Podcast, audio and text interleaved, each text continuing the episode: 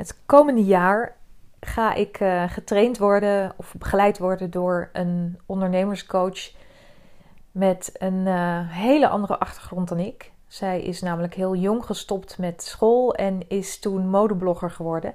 Dus het is iemand die heel erg gewend is om de spotlight op zichzelf te zetten, om selfies te maken, om volop ruimte in te nemen online.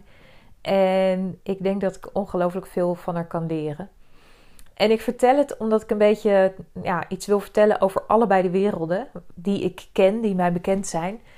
En ik denk dat er in het midden tussen die twee werelden in heel veel ruimte ligt om op een ja, goede, kloppende manier online zichtbaar te zijn voor leiders en ondernemers die nu te veel een toeschouwer zijn, omdat ze het helemaal niet persoonlijk maken, omdat ze heel weinig laten zien, omdat ze weinig ruimte innemen en voor wie dat niet meer kloppend voelt, die dus zoeken naar een manier waarop ze dat wel in kunnen vullen en veel meer een inspirerende leider kunnen worden online, die, ehm, ja, die, die daar leiderschap laat zien, die een genuanceerd geluid laat horen, die daarmee ook de goede connecties, de goede klanten, de goede partners aantrekt.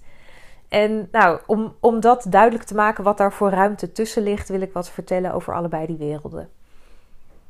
Ik ben opgevoed met het idee, dat was natuurlijk de hele cultuur van de 70s, de 80s, 90s misschien ook wel. En misschien nog steeds wel een beetje, dat bescheidenheid een deugd is. dat je niet zomaar trots op jezelf mag zijn. Dat je als iemand je een compliment geeft, dat je dan zegt: Nou ja, dankjewel, maar het valt wel mee.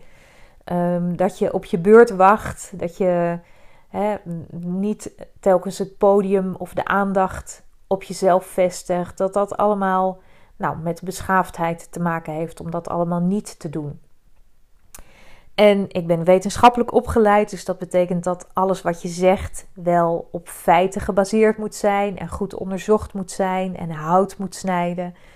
En na mijn uh, bestuurskundestudie heb ik een postdoc journalistiek gedaan en daar leer je dat elk verhaal hoor en wederhoor nodig heeft. Hè? Dus dat, het, um, dat er altijd twee kanten aan het verhaal zitten en dat je moet zoeken naar de waarheid daartussen.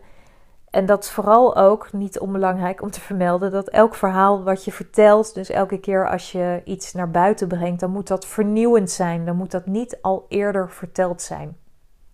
Nou, even een grote sprong vooruit. De afgelopen zeven jaar heb ik heel veel geleerd over online ondernemerschap en online zichtbaarheid. En in die wereld gelden hele andere wetten. Daar gelden namelijk de wetten van het uitdragen en het claimen van je eigen succes. En daar gelden de regels van het je podium pakken en laten zien wat je kan en bescheidenheid van je afwerpen, omdat bescheidenheid daar gewoon onhandig is. Nou, dat is ook een wereld waarin je leert dat je je boodschap keer op keer kan herhalen. Waarop je dus, waarin je dus in herhaling valt en elke keer weer je verhaal vertelt. En dat elke keer misschien wel net op een andere manier doet. Maar telkens de kernboodschap daarvan, um, ja, dat die echt heel erg veel herhaling nodig heeft. En dat je dus ook jezelf als, of niet dus, maar dat je ook jezelf als persoon daarin laat zien. Omdat dat zo belangrijk is om het vertrouwen te winnen. En omdat dat het element is waardoor je veel minder inwisselbaar bent. Hè, waardoor je veel sneller een unieke positie kan opbouwen die je onderscheidt van mensen met dezelfde achtergrond, mensen met dezelfde kennis of mensen die iets soortgelijks doen of aanbieden als jij dat doet. Nou, dus twee totaal verschillende werelden.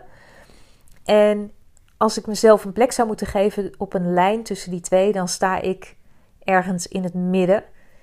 Ehm, met heel veel kennis en vaardigheden van die online wereld, waarin je dus hè, je eigen plek moet claimen en tegelijkertijd nog ja, wat, wat in mijn DNA zit, dat van vroeger, dat bescheidenheid um, charmant en mooi en goed is. Het, het werk wat ik doe is voor leiders en ondernemers met een mooie expertise die de wereld een beetje mooier willen maken. Die, um, die help ik om online kansen te benutten en online te inspireren. Dus dat gaat hand in hand. Hè? Het een, jezelf neerzetten als inspiratievolle leider en een genuanceerd verhaal brengen en groeien in omzet. Want het zijn ook allemaal mensen die omzetverantwoordelijk zijn. Dus dat kunnen eigen ondernemers zijn, maar bijvoorbeeld ook partner van een groot bedrijf die, ja, die het nodig heeft om ehm, klanten aan te kunnen trekken. Nou, online, dit is natuurlijk geen nieuws als ik vertel dat online de plek is waar we elkaar steeds meer ontmoeten en waar ook de loop van dat contact heel erg wordt bepaald. En online is zelfs ook de plek waar je bijvoorbeeld de mensen die direct in je team zitten of collega's, um, die je ook offline spreekt, um, waar je daar ook de, via online, dat lijkt helemaal buiten de, de weg buiten langs, maar daar kun je ook die contacten verdiepen omdat mensen wat meer van je zien, omdat je wat meer uh, deelt over wat jouw visie is, waar je voor staat, wie je bent als persoon. dat kan ook echt gewoon het contact wat je met mensen hebt die je al kent beïnvloeden. Heel erg zelfs. En ik denk dat er, of ik zie, ik weet, ik voel dat er in het midden heel veel plek is om ja, die beide werelden te combineren met elkaar. Dus om zichtbaar te zijn met een duidelijke visie en een genuanceerd verhaal. En om zichtbaar te zijn op een persoonlijke manier, zonder je zelfrelativering daarbij te verliezen. Of om een heel duidelijk, ehm, nou, om echt een duidelijk aanbod daarin te lanceren. Iets wat jij, wat jij graag wil verkopen, waar je graag uh, klanten voor vindt, om dat uit te dragen. Zonder dat je gouden bergen belooft ik vind het een interessant gebied om, daar, ja, om, om me daarin te verdiepen, omdat ik denk dat nu veel te veel ehm, belangrijke mensen met kennis van zaken, met een, een genuanceerd wereldbeeld, met heel erg veel hart voor wat ze doen, te veel aan de zijlijn staan, te veel een toeschouwer zijn. Als ik bijvoorbeeld kijk naar nou, veel van de vrienden die ik heb, die allemaal op mooie posities zitten, die echt wel wat te vertellen hebben, echt een goede visie hebben, maar die online heel weinig zichtbaar zijn. En ik vind het ontzettend leuk dat er ook mensen zijn die het aandurven om dat wel te gaan doen. Met wie ik samen mag werken om wel een mooie plek op te bouwen. En wat je dan ziet is dat die eigenlijk al heel snel ja, een, een, een leading expert, een speler van belang kunnen worden ehm, in die hele online wereld. Juist omdat je daar in een ja, wat meer laat zien over jezelf op een andere manier. Um, waarmee je doorbreekt hoe het tot nu toe altijd gaat in jouw wereld. En dat betekent dat, ja, dat we dus elementen uit die. Alles wat ik heb geleerd in die online wereld, alles over het, je podium pakken, het, je succes duidelijk uitdragen. En het lijkt alsof ik dat allemaal negatief zeggen. Bedoel ik helemaal niet negatief, want ik vond het super leerzaam. En ik zie ook echt heel erg de waarde daarvan in om dat te doen.